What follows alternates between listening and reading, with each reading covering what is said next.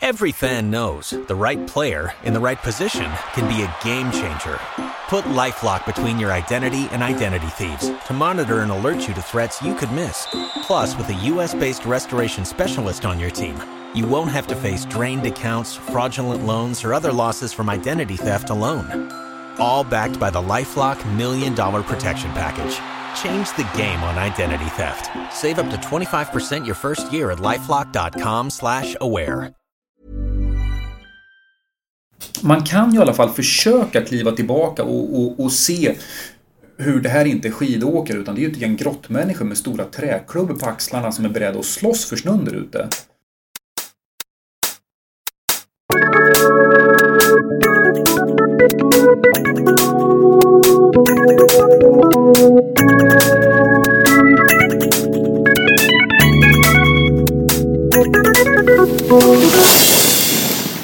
Hej och välkomna till Freeride-podden, din fjällräddare i nöden. Det här är avsnittet som alla skidåkare borde lyssna på, alltså lavinavsnittet. Inför denna vecka så teamar vi upp med Mårten Johansson. Eh, Mårten driver Åre Lavincenter och är en av de mest kunniga inom området i Sverige. Han jobbar med både utbildningar och i skarpt läge och har även skrivit en bok i ämnet. Sen är det ju så här att Mårten inte bara är full av kunskap och insikter Eh, han är även som eh, Simon, vår chefsredaktör på här på Freeride, så elegant uttrycker det, en riktig surpuck. Ehm, så det blev en väldans massa material och eh, det kändes inte så kul att klippa bort ehm, en massa kunskap. Så därför har vi delat in det hela i två avsnitt så att det blir lite skönare att lyssna på. I det första får vi höra Mårtens tankar om vad laviner är för någonting, lavinpsykologi och vad det är man ska tänka på för att minimera risken att hamna i en lavin. Eh, och så pratar vi lite utrustning på slutet också, även om Mårten egentligen inte vill. I del två så går vi sen in på vad man ska göra när olyckan är framme och en lavin går, eh, alltså själva räddningsmomentet. Sist av allt så vill jag tipsa om att eh, man kan gå in på freeride.se lavinsakerhet om ni vill veta mer om laviner. Ehm, där finns filmer med Mårten och lite annat kul. Nu sätter vi igång.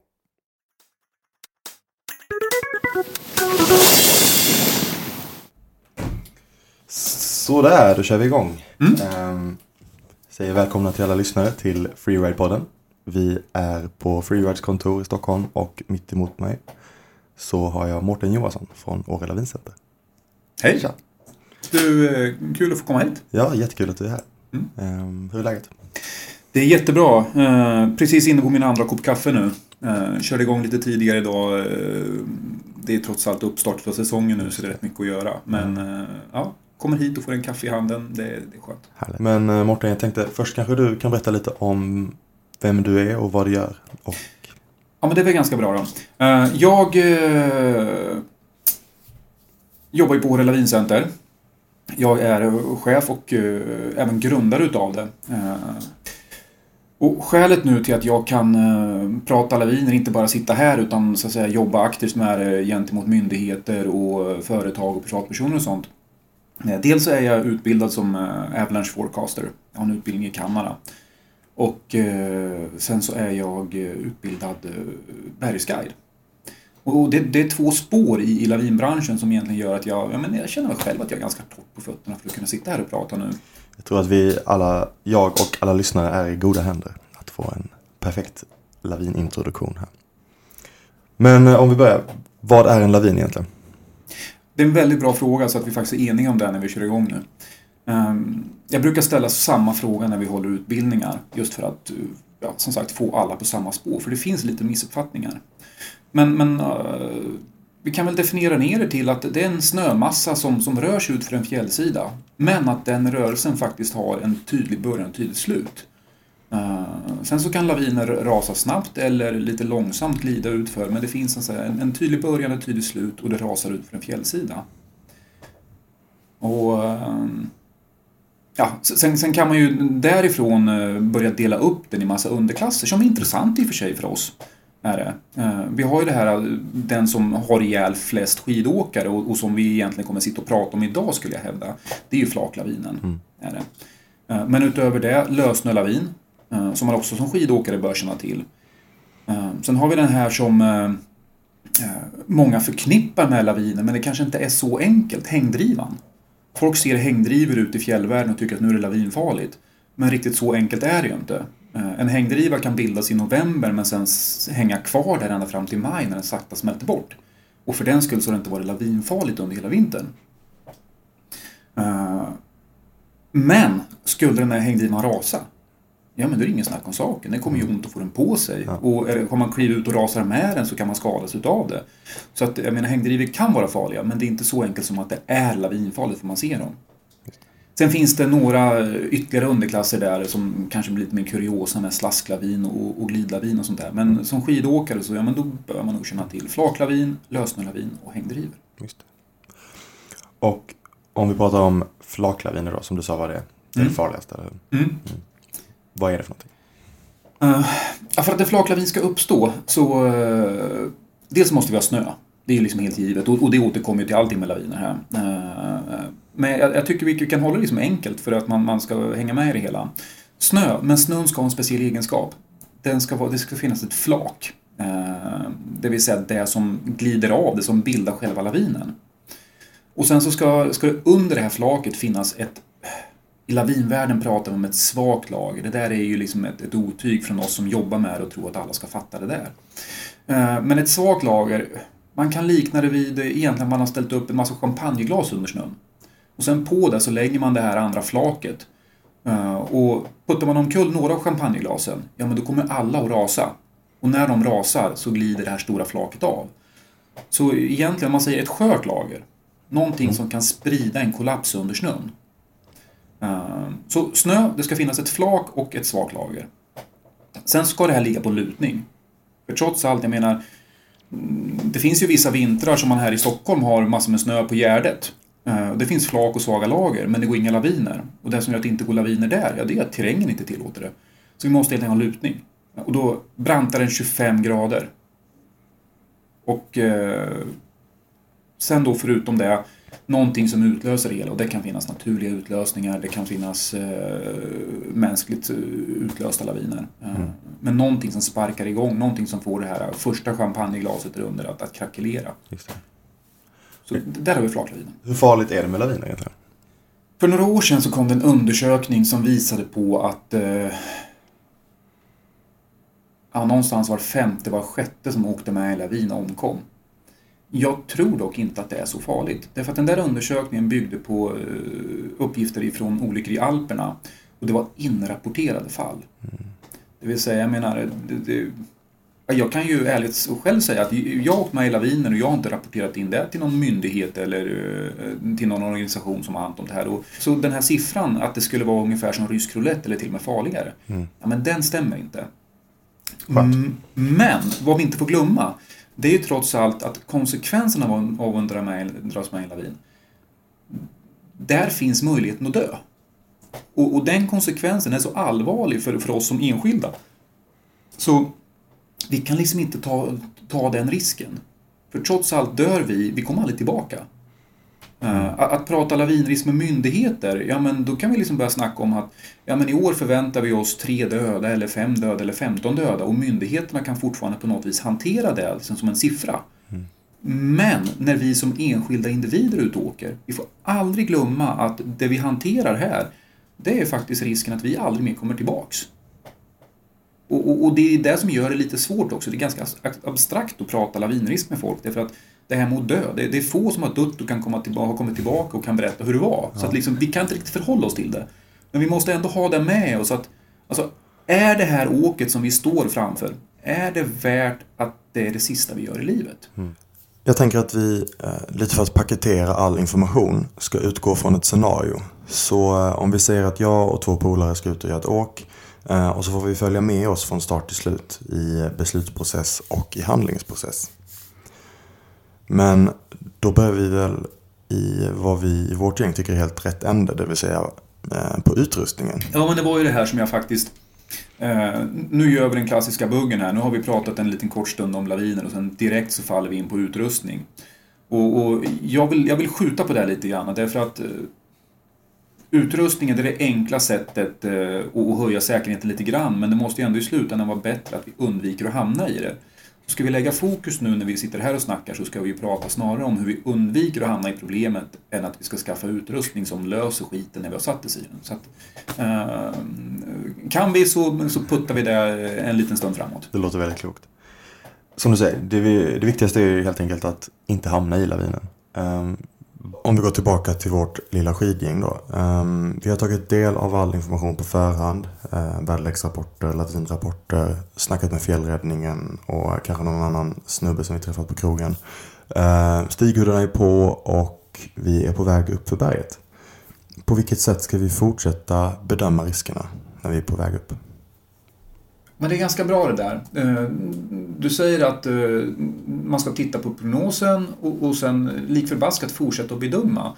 Och det är någonting man måste vara medveten om att det är ju inte så att, att vi gör en bedömning på morgonen eller kvällen innan och kommer fram till att så här farligt är det, imorgon kan vi fälla ner visiret och köra.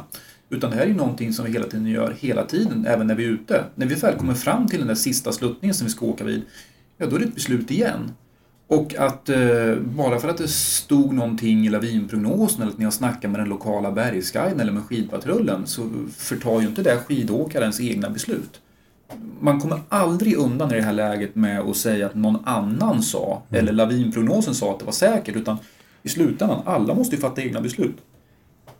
Um, men, uh, okej, okay, det är betydande lavinfara, eller måttlig lavinfara tar vi, för det ska vara lite, lite enklare här. Då. Måttlig lavinfara, och eh, det har snöat tre centimeter när vi vaknar på morgonen. Ja, för min del så, ja men det är klart att man kan sticka ut och försöka hitta bra åkning. Uh, när vi då kommer upp med liften och helt plötsligt så ser vi det att ja, men det har gått laviner på fjället. Vi kanske inte riktigt har kommit fram till det här eh, sluttningen som vi har tänkt åka men det har faktiskt gått laviner uh, under morgonen eller natten. Ja, men då bevisar ju naturen för oss att idag finns det flak och svaga lager. Och är det så att de här lavinerna har gått i ungefär samma väderstreck som den sluttning vi har tänkt åka, ja men det är ju faktiskt nej till att åka. Då gäller det att hitta lite flackare terräng. Gör det. Så äh, lavinaktivitet, ja men det, det, det trumfar ju allting i det här läget. Ja. Ser vi laviner, ja då, då bevisar naturen för oss att det är farligt. Sen har vi ju utöver det då till exempel vomfljud och sprickbildning.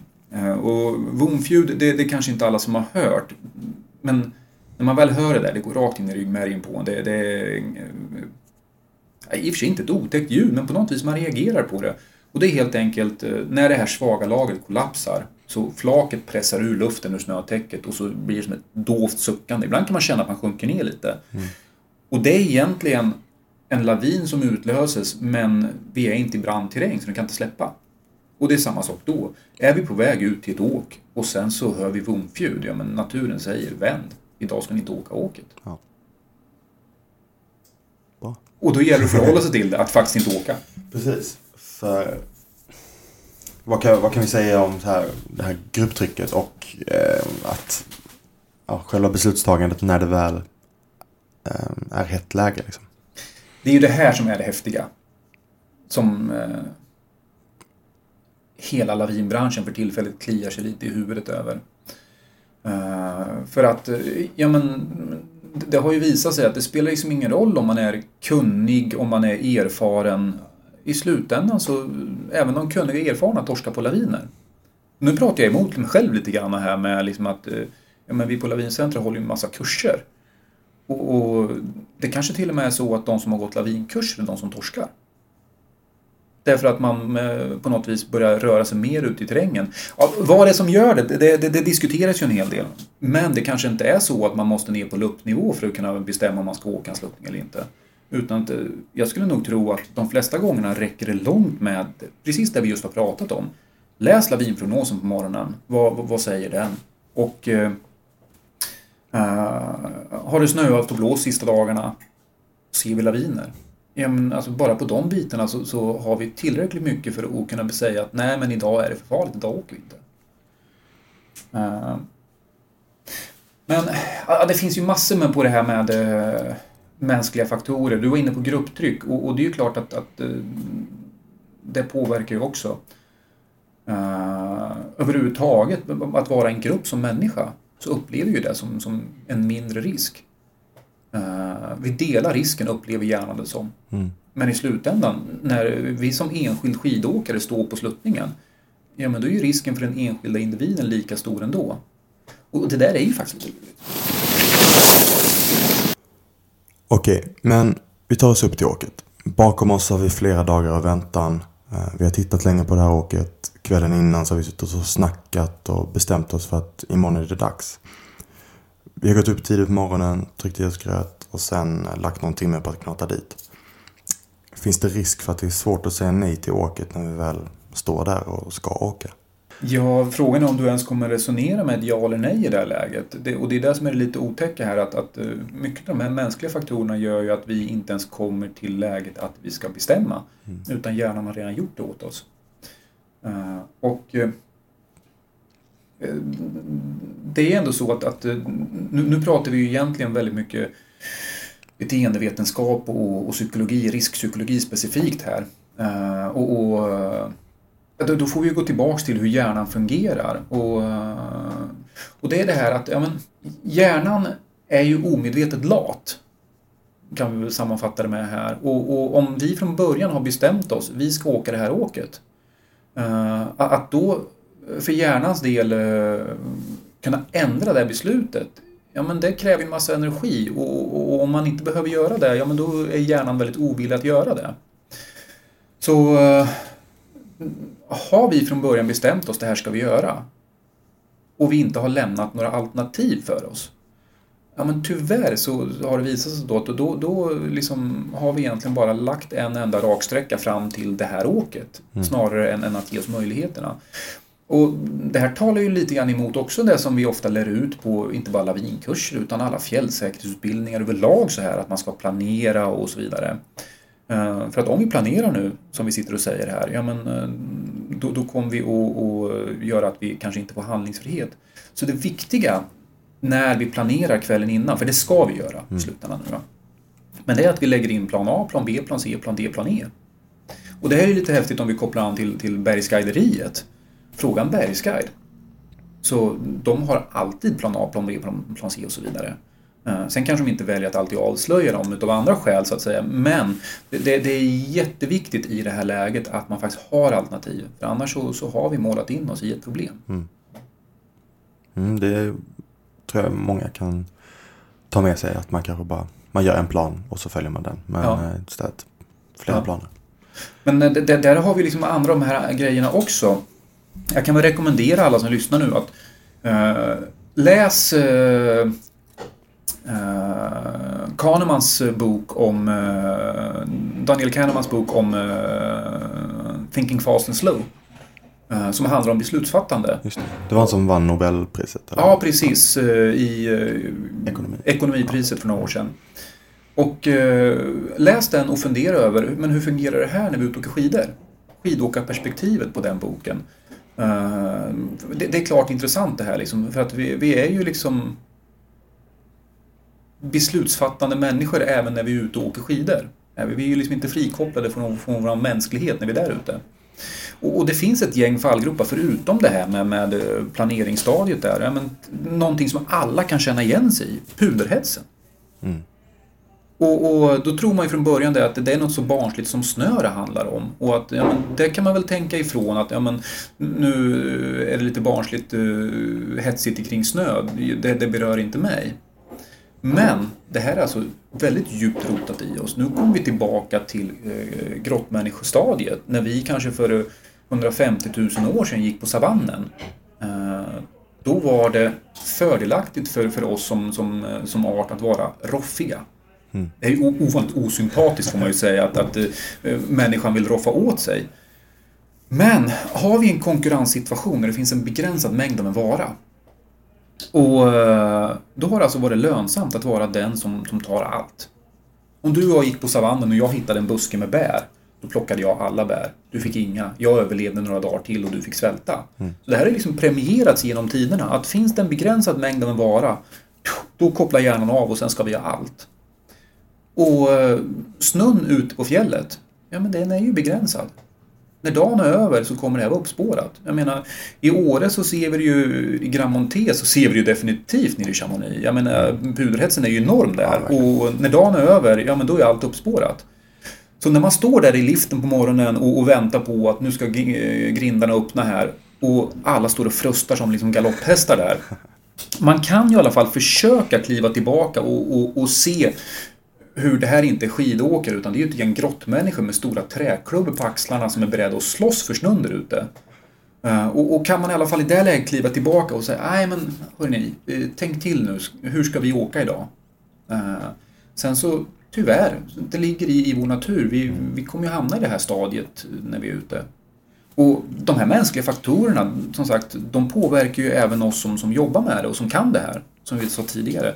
Det händer ju tyvärr allt för ofta att, att jag kommer ner till mitt kontor och sitter lite kall och undrar liksom, men hur betedde jag mig där ute idag? Mm. Det här är ju ingenting som bara berör så att säga vanliga skidåkare utan även eh, pistörer, bergsguider, lavinproffs som jobbar med det här. Vi är också utsatta för det. Så det är någonting som vi ständigt måste jobba med. Mm.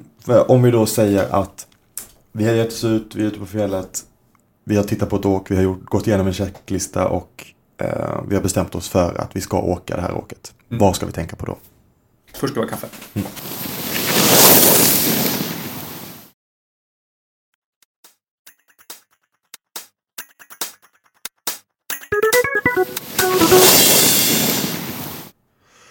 Så, då är vi tillbaka med lite svart kaffe i kopparna. Uh, nu ska vi ut och åka imorgon. Jajamän. Och uh, ja, men det, det, det, här är ju intressant. Uh, för det är ju i slutändan nu som vi fattar beslut om, om, om eh, som gör att det kan gå åt helvete eller inte. Och ja, men jag tycker vi, vi kan ju liksom inte nog trycka på, på vikten av att förhålla sig till det här som vi just har bedömt. Är det för farligt så ska vi inte åka. Och, och återigen nu, det här låter ju skittråkigt men det är ju lite mitt jobb att vara i det här läget, eh, den tråkiga killen nu då som, som trycker på folk och säger att eh, man kan säga nej ibland också. Ja men är det för farligt så, så välj ett annat åk den dagen. Men, å andra sidan, vi kommer ju ibland komma till det här liksom läget att vi ändå säger ja. Nu ska vi åka. Och eh, problemet är att det är fortfarande så att vi, vi vet ju inte med 100% säkerhet om sluttningen vi åker ut på kommer släppa eller inte. Och det är någonting vi måste leva med här. Mm. Då, då måste vi ha det i tanken. Och som vi också pratade om tidigare, möjligheten som kan hända liksom när det här sker nu, det är att vi kan dö. Och, och konsekvensen av att, att dö för oss enskilda skidåkare, ja men den är ju för stor. Så att liksom, vi, vi, måste verkligen ha det i åtanke att åker vi ut här så finns det en möjlighet att vi kanske aldrig kommer tillbaka. Det vill säga vi måste minimera konsekvenserna av det hela. Och eh, ja, men står vi då vid sluttningen. Det här första som vi alltid får lära oss eh, när man går en lavinkurs, en åt gången på sluttningen. Och, och det finns väl flera skäl till det. Dels så, jag sagt, det är ju det är bättre att det är en som dras med än att det är flera. Det, det blir en mycket värre olycka av det när det är flera begravda. Och har vi folk kvar på ytan när man dras med själv, ja men då har vi någon som faktiskt står med spade som transceiver och beredd att gräva upp en. Eh, så att det faktiskt finns folk kvar som kan hjälpa till. Så en åt gången när vi åker, jätteviktigt. Mm. Sen finns det också massa andra teorier om det här med hur mycket man belastar snötäcket. Eh, det där får, skulle jag säga, forskarna eh, dividera om egentligen hur det går till när en lavin utlöses, om det påverkar. Men, men i, i slutändan för vår del så liksom att vara en åt gången, det, det är allt vi behöver säga där. Och eh, att alltid ha en flyktväg när vi åker ut. Och det här kan jag bli lite irriterad på. Det finns ett gäng lavinexperter och lavininstruktörer som står och säger att nej men eh, laviner går så fort, vi kan aldrig åka ur dem och de är så farliga, bla bla bla så här. Men i slutändan, en lavin startar ju inte i 200 km i timmen utan den accelererar, den startar från noll. Mm.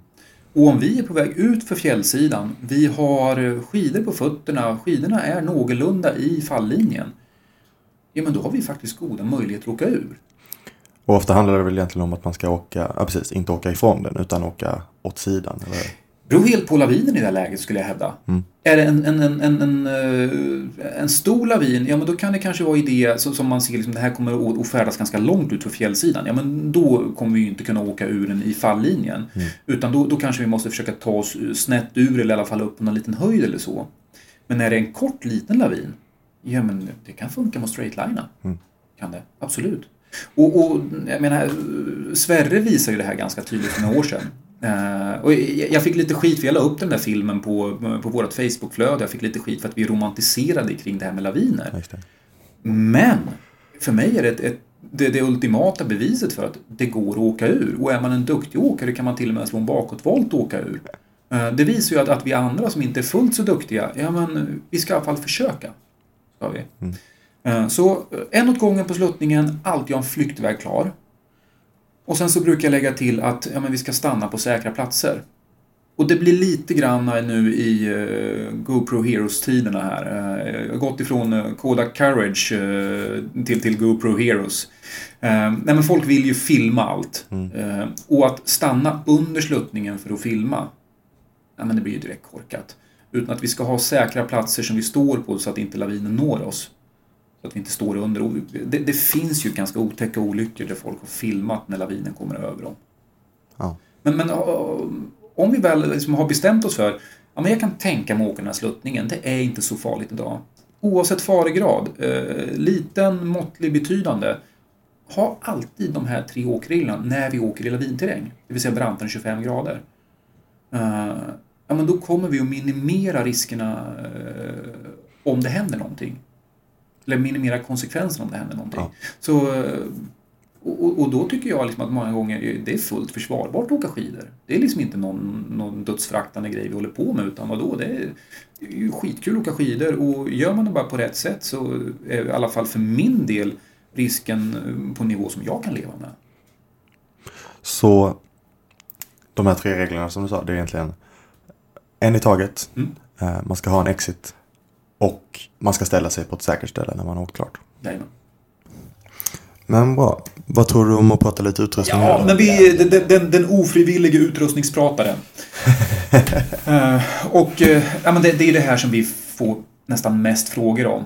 Det är i och för sig, jag är lite nöjd nu att, att det börjar förändras. Folk faktiskt hör av sig och vill prata uh, beslutsmetoder och, och planering och sånt också nu för tiden.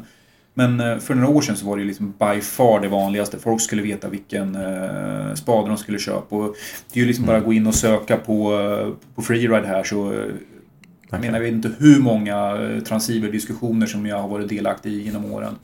Um, och nu står vi inför faktiskt ett gäng nya transceivers inför den här vintern och nästa vinter så att jag antar att det, kommer bli några timmar till på det här. Och det är klart att vi ska prata om det. Uh, men det är ju ändå så att eh, vad vi gör med utrustningen är ju att eh, i alla fall på spade som transceiver så köper vi någonting som gör att vi ska kunna bli hittade och framgrävda och då har ju olyckan redan skett. Eh, och här tycker jag man ska ha med sig då, tittar vi på, på transceiver, på de som inte hade transceiver och de som hade transceiver och hur många som dör i laviner. Så transceiver ger egentligen bara 5% bättre chans att överleva. Det är så alltså? Jajamän, och det, det liksom, ha det i perspektiv. Mm. Det är alltid bättre att, att, inte åka med i lavinen än att behöva riskera att bli framgrävd. Mm. Uh, för att det är inte säkert att vi lever när vi blir framgrävda. Mm. Hur ska man göra för att träna med prylarna? Um, det här är ju lite, nej i och för sig det kanske inte är så elakt ändå. För, eh, för 15 år sedan med de transceiver som fanns då, då var det ju en ganska elak produkt egentligen. Dels så skulle man köpa en dyr produkt för uh, flera tusen uh, och sen så, de var ganska svåranvända. Användarvänlighet låg ju liksom inte i, i den tekniken utan då var man tvungen att lägga lika mycket pengar på en kurs för att lära sig använda det hela. Mm. Nu är ju faktiskt transceivers ändå förhållandevis lättanvända så att eh, man kan nog förstå själv hur de ska användas. Men jag kan rekommendera ändå att ta en utbildning i det mm. hela. Eh, men sen är det ju att träna. Träna, träna, träna, träna. Och träna så, så likt som eh, du i slutändan kan bli utsatt för. Det är ju liksom ändå så att eh, ju, ju närmare de förhållanden som kommer vara på olycksplatsen som du har tränat för, desto bättre förberedd är du. Mm. Uh, å andra sidan, lite träning är bättre än ingen träning. Så om man väljer att när man sitter och lunchar och uh, tar en lunchmacka och uh, liksom häller upp lite kaffe ut på fjället, ja men passa på att slänga ut någon transceiver och, och sök på. Mm. Lite är, är bättre än inget. Är det. Men att någon gång ibland faktiskt rodda lite större scenarier och få träna på ja, men så här kommer det bli i verkligheten. Mm. Det tror jag, jag kan tänka mig att Många kanske aldrig ens har använt sin transceiver utan de bara sätter på den på, eh, på sändläge och sen åker ut. Mm. Eh, men bara det här att liksom slänga ner transceivern i en väska, eh, jag gräver ner den och så får du leta.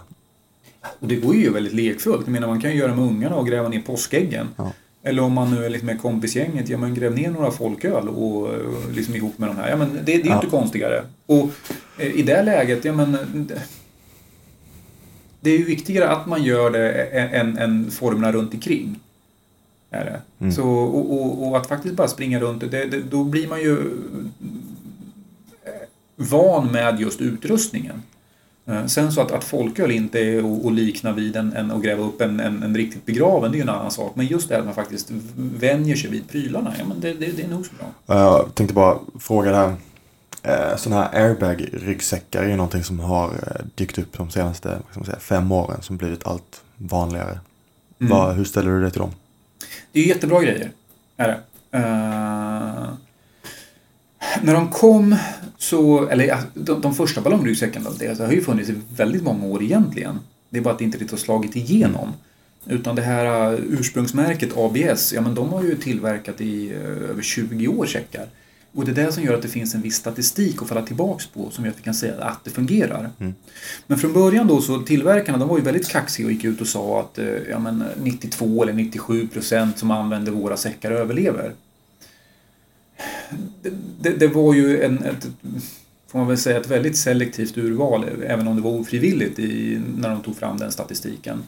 Uh, återigen inrapporterade fall, eh, hur mycket är det som vi ser som inte har rapporterats in? eh, och, ja, men det, det fanns en massa faktorer med i det hela som gjorde att ja, men den där statistiken kanske egentligen inte riktigt stämmer. Sen för några år sedan så gjordes det en kanadensisk undersökning och det mynnar väl ut i någonstans, beror på hur man tittar på det hela och, och vad man eh, räknar in i, i det hela. Eh, men mellan 15 och 30 procents bättre chans att överleva. Sätt det i perspektiv till de här 5 procenten på transceiver. Mm. Så ja, men för min del, det är inget snack om saken. Eh, på Lavincentret, de som jobbar ska definitivt ha ballongryggsäck på ryggen. Och från och med i år nu så sätter vi även ballongryggsäckar på alla gäster. Mm. Just för att ja, men det, är- alltså, det är bra grejer. Sen i slutändan vilken modell man ska ha och så vidare. Ja.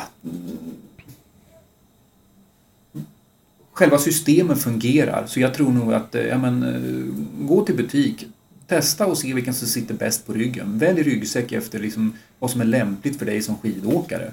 Eh, Sitter den bra på ryggen kan du packa prylar på det sättet du vill. För nu finns ju en uppsjö med olika säckar. Mm. Gör det.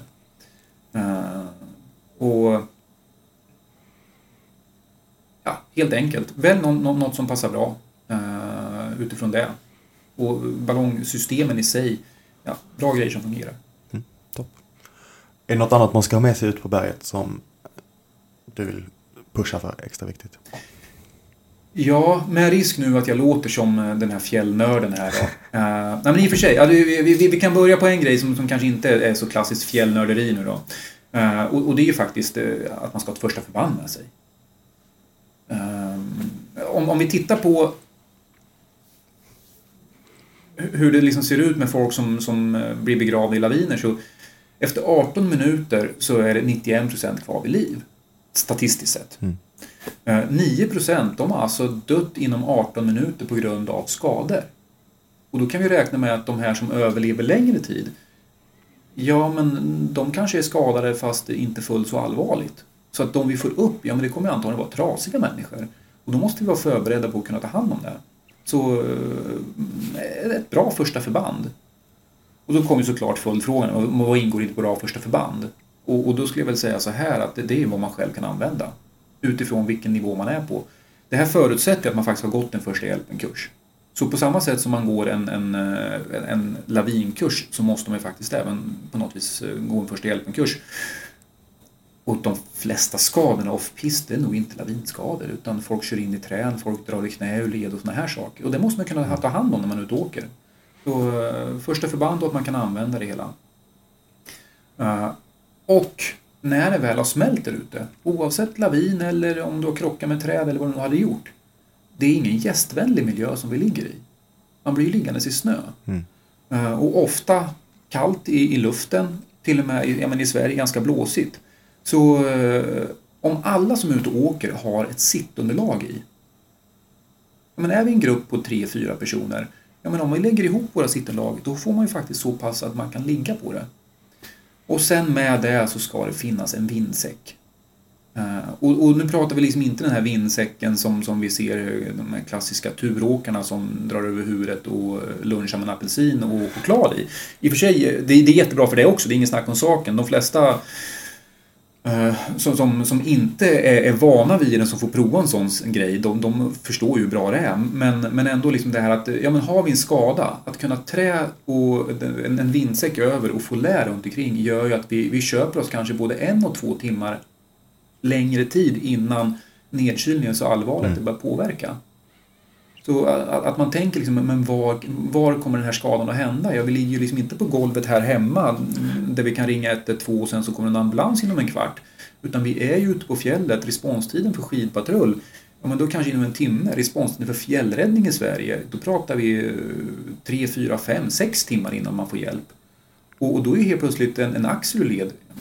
Mm. Det är ju inte hela världen. Men däremot att ligga still i snön, alltså det kan ju vara livsavgörande i slutändan. Mm. Att vi faktiskt kan isolera oss. Så, ja, och i det här då såklart en extra fleecetröja eller en, en, en dunjacka i ryggsäcken. Och det här mm. gäller även om man åker liftnära. Mm. Det är många som tycker att ja, men jag, jag ska ju liksom bara, jag ska inte tura någonting idag, jag ska ju bara åka in vid liften. Ja men säg att, att man får en, en, en skada i Tottskogen i, i Åre ja men då får man nog räkna med att det tar en 3-4 timmar att komma hem därifrån. Och egentligen, det är fem minuters åk. Mm. Men det tar en 3-4 timmar att få ner någon med till exempel axelleder. Mm. Verkligen. Ja, det är nog en bra grej som de flesta inte tänker på. Nej. Jag har aldrig tänkt på det i alla fall. Nej. Det, bra. Det, det, det, det här med, man, man skiljer, brukar ju, vad heter det, uh, slack country och back country. Slack country skulle vara det här som är lite liftnära och att man kan ha en lägre säkerhetsnivå där. Mm. Bullshit. Slack country existerar inte. Så fort man åker utanför nedfarten så är det backcountry. Mm.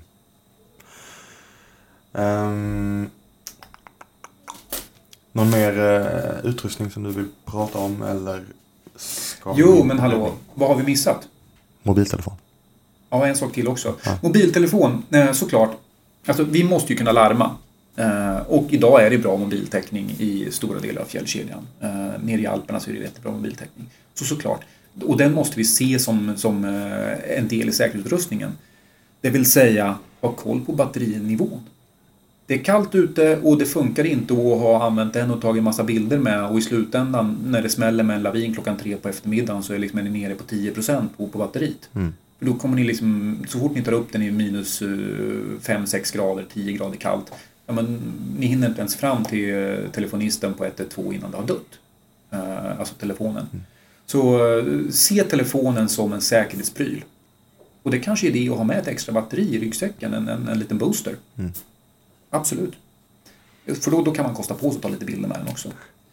Uh, och såklart, har ni en booster med så ska den, eller överhuvudtaget telefonen, den ska ligga i, i innerfickan. Så att det, litiumbatterier gillar ju inte kyla riktigt. Mm. Eh, och till det här då så ska vi också lägga till att eh, mobiltelefon och transceiver inte gillar varandra.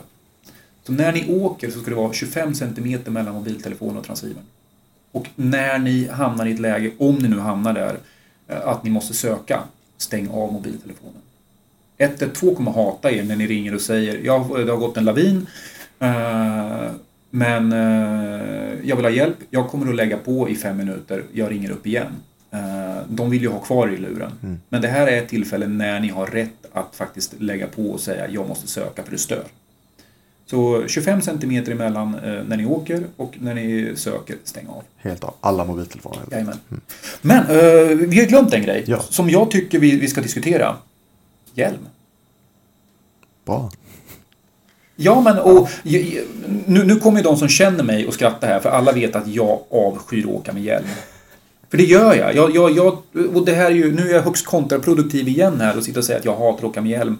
Men eh, jag har massor med skäl till att jag tycker att det känns instängt, jag hör inte och allt det här och det är tungt och jag ska, får inte plats med i ryggsäcken om jag vill ta mig och allt det här.